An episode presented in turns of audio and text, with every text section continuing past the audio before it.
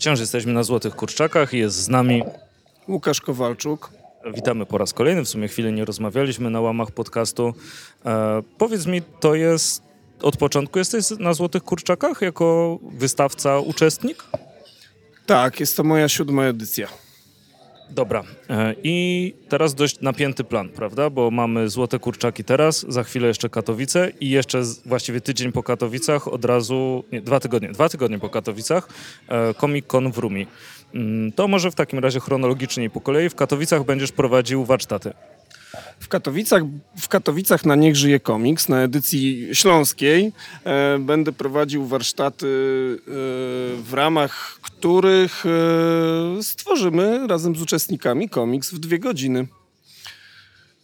Wszystkie szczegóły na temat tych warsztatów można znaleźć na stronie organizatora zwykłeżycie.pl. Tam są też zapisy. E, Udział w warsztatach kosztuje symboliczne 10 złotych. Jak się nie umie rysować, to do, wiem doskonale, że to jest tam napisane, ale nawet jak się nie umie rysować, to można spokojnie przyjść. Zwłaszcza jak się nie umie rysować.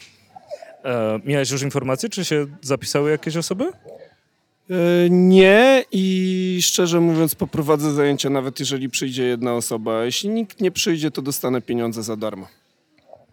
To znaczy, życzę oczywiście, żeby jak najwięcej osób przyszło, bo to jednak nasze okolice i fajnie by było, gdyby w końcu się tam coś, e, coś działo. Dobra, ale to są Katowice. Ze stoiskiem też przyjeżdżasz, czy tylko jako wykładowca?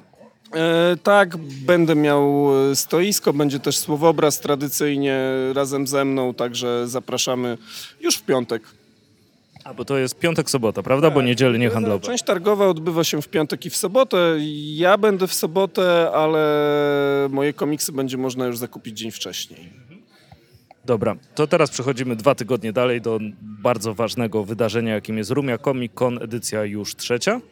E, I tutaj jesteśmy pierwszy raz patronami, więc dla nas też to jest wyzwanie, bo pierwszy raz jesteśmy patronami czegokolwiek. E, powiedz nam, co już wiemy o Rumi. E, Rumia jest e, gminą położoną w pobliżu Gdyni, ma 50 tysięcy mieszkańców. I przez jedno i się pisze, jeśli mówimy, że jedziemy do Rumi. Tak, pisze się przez jedno i. E, impreza, tak jak wspomniałeś, odbędzie się już trzeci raz.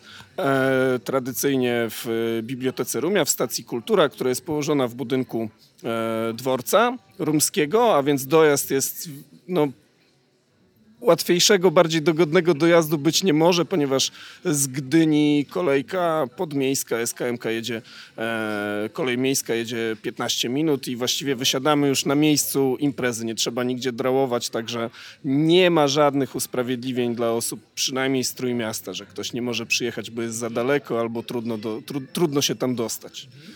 A powiedz mi, na, na, na poprzednich edycjach niestety nie udało nam się e, pojawić. Ze Złotymi Kurczakami, mm, kiedyś też jak zresztą z Filem rozmawialiśmy, jest problem, że mm, lokalsi nie udzielają się tak bardzo, jakby mogli. Jak było w Rumi na poprzednich?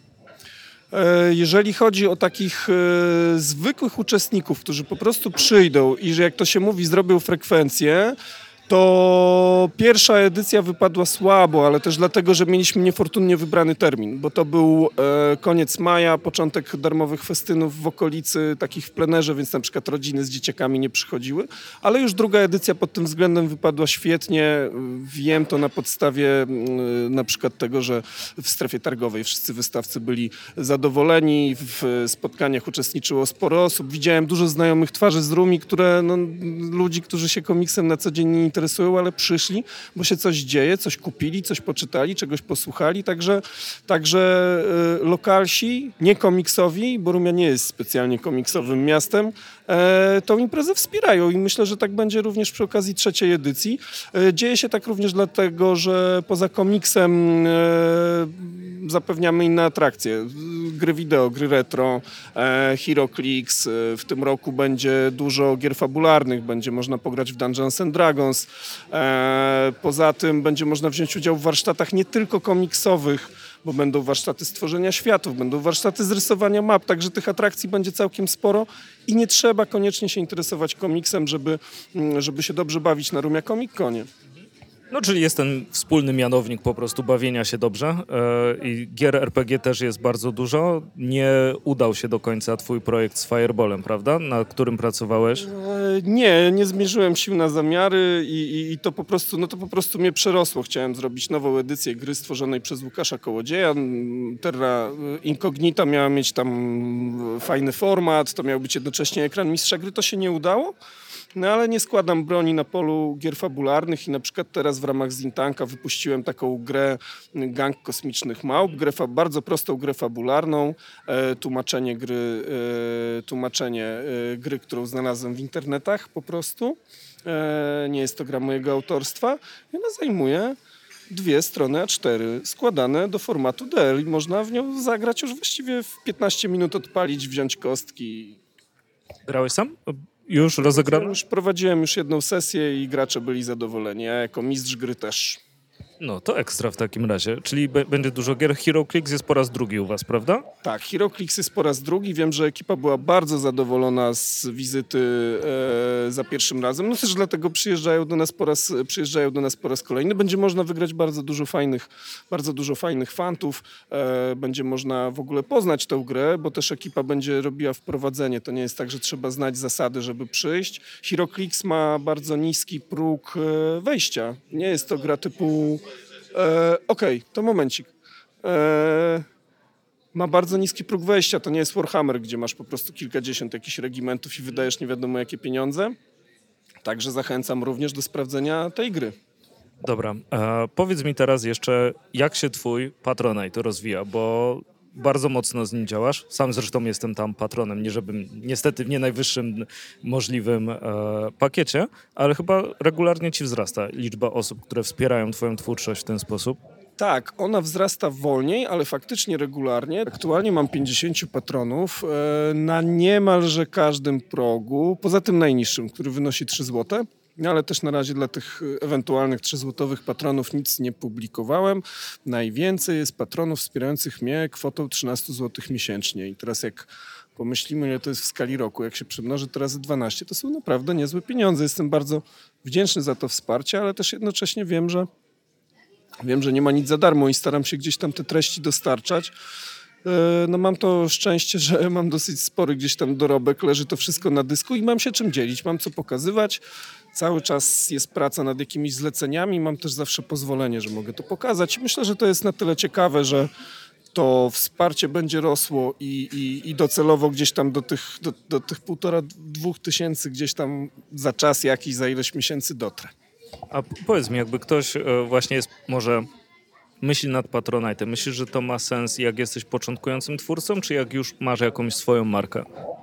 Eee, trudno mi powiedzieć. Myślę, że to zależy od tego, co chcesz pokazać, w jaki sposób to, nie wiem, sprzedać. Nie jestem najlepszą osobą, nie jestem właściwą osobą do udzielania rad w temacie crowdfundingu. Czy takiego, czy też takiego klasycznego, zbierania pieniędzy na jakiś jeden konkretny projekt na pewno mam trochę łatwiej, ponieważ gdzieś tam tą publiczność sobie zebrałem i mam jakieś grono odbiorców, które było gotowe mnie wspierać, tylko po prostu trzeba było trafić w dogodny moment. E, bo już na przykład Underhawks, kiedy, kiedy, kiedy mieliśmy Patronite'a i zbieraliśmy razem z Henrykiem środki na powstanie Underhawks, to ten Patronite no, był taki kulawy, nie? ale dopiero wyczuwaliśmy jakby ten format. Mój Patreon, który był kilka lat temu, ja go zamknąłem, ponieważ wsparcie nie było wystarczające, ja nie miałem cierpliwości, to poza tym była platforma zagraniczna. Eee, ja bym polecał przede wszystkim zadbać o to, żeby patroni czuli się, że tak powiem, dopieszczeni, e, no i zadbać o to, żeby mieć jakąś publiczność. To na pewno. E, więc trudno mi powiedzieć, czy początkujący autor mógłby z Patronite'em wystartować. E, komiksu na Patronite aktualnie za dużo nie ma. Jeżeli już jest, to zauważyłem, że też to jest z reguły tak prowadzone e, przez wielu autorów e, trochę na pół gwizdka. To znaczy tak naprawdę oni za to, że dostają jakieś wsparcie nie proponują za wiele i tu jest też, też pies pogrzebany.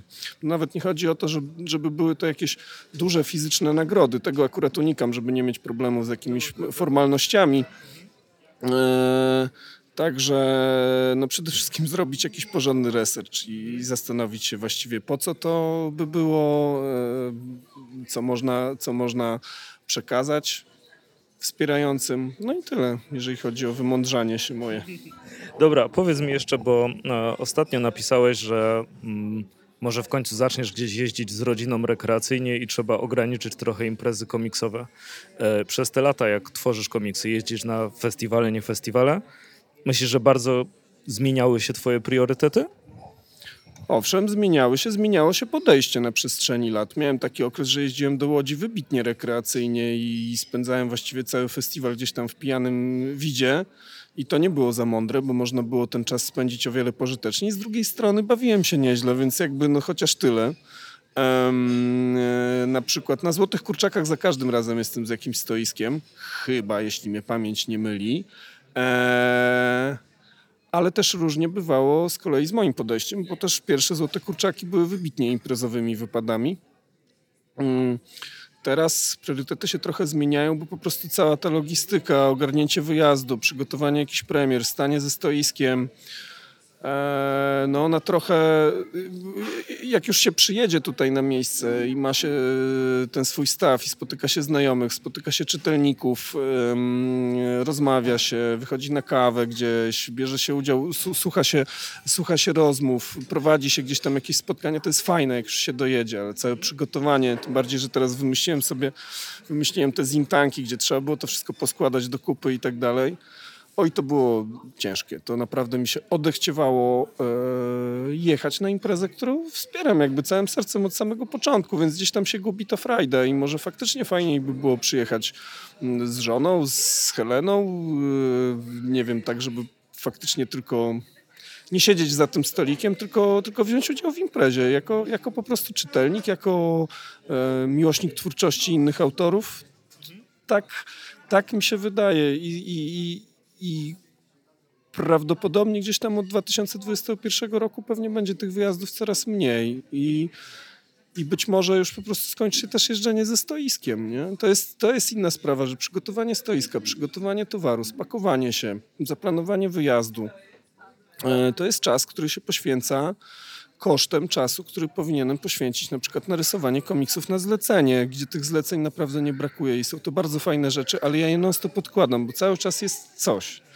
Więc konkluzja jest taka, że no prawdopodobnie wyjazdów będzie mniej, skupię się pewnie na organizacji Rumi Comic Conu, bo ta impreza nie zniknie prawdopodobnie za prędko z mapy konwentowej, festiwalowej Polski. Eee, no ale to jest też praca, która jest rozłożona na cały rok. Ja Comic-Conu nie planuję z dnia na dzień. Wiem czego chcę, wiem kogo chcę zaprosić, eee, wiem kiedy to ma być. Mam świetny kontakt tutaj z dyrekcją i z pracownikami biblioteki w Rumi, którzy pomagają jak tylko mogą.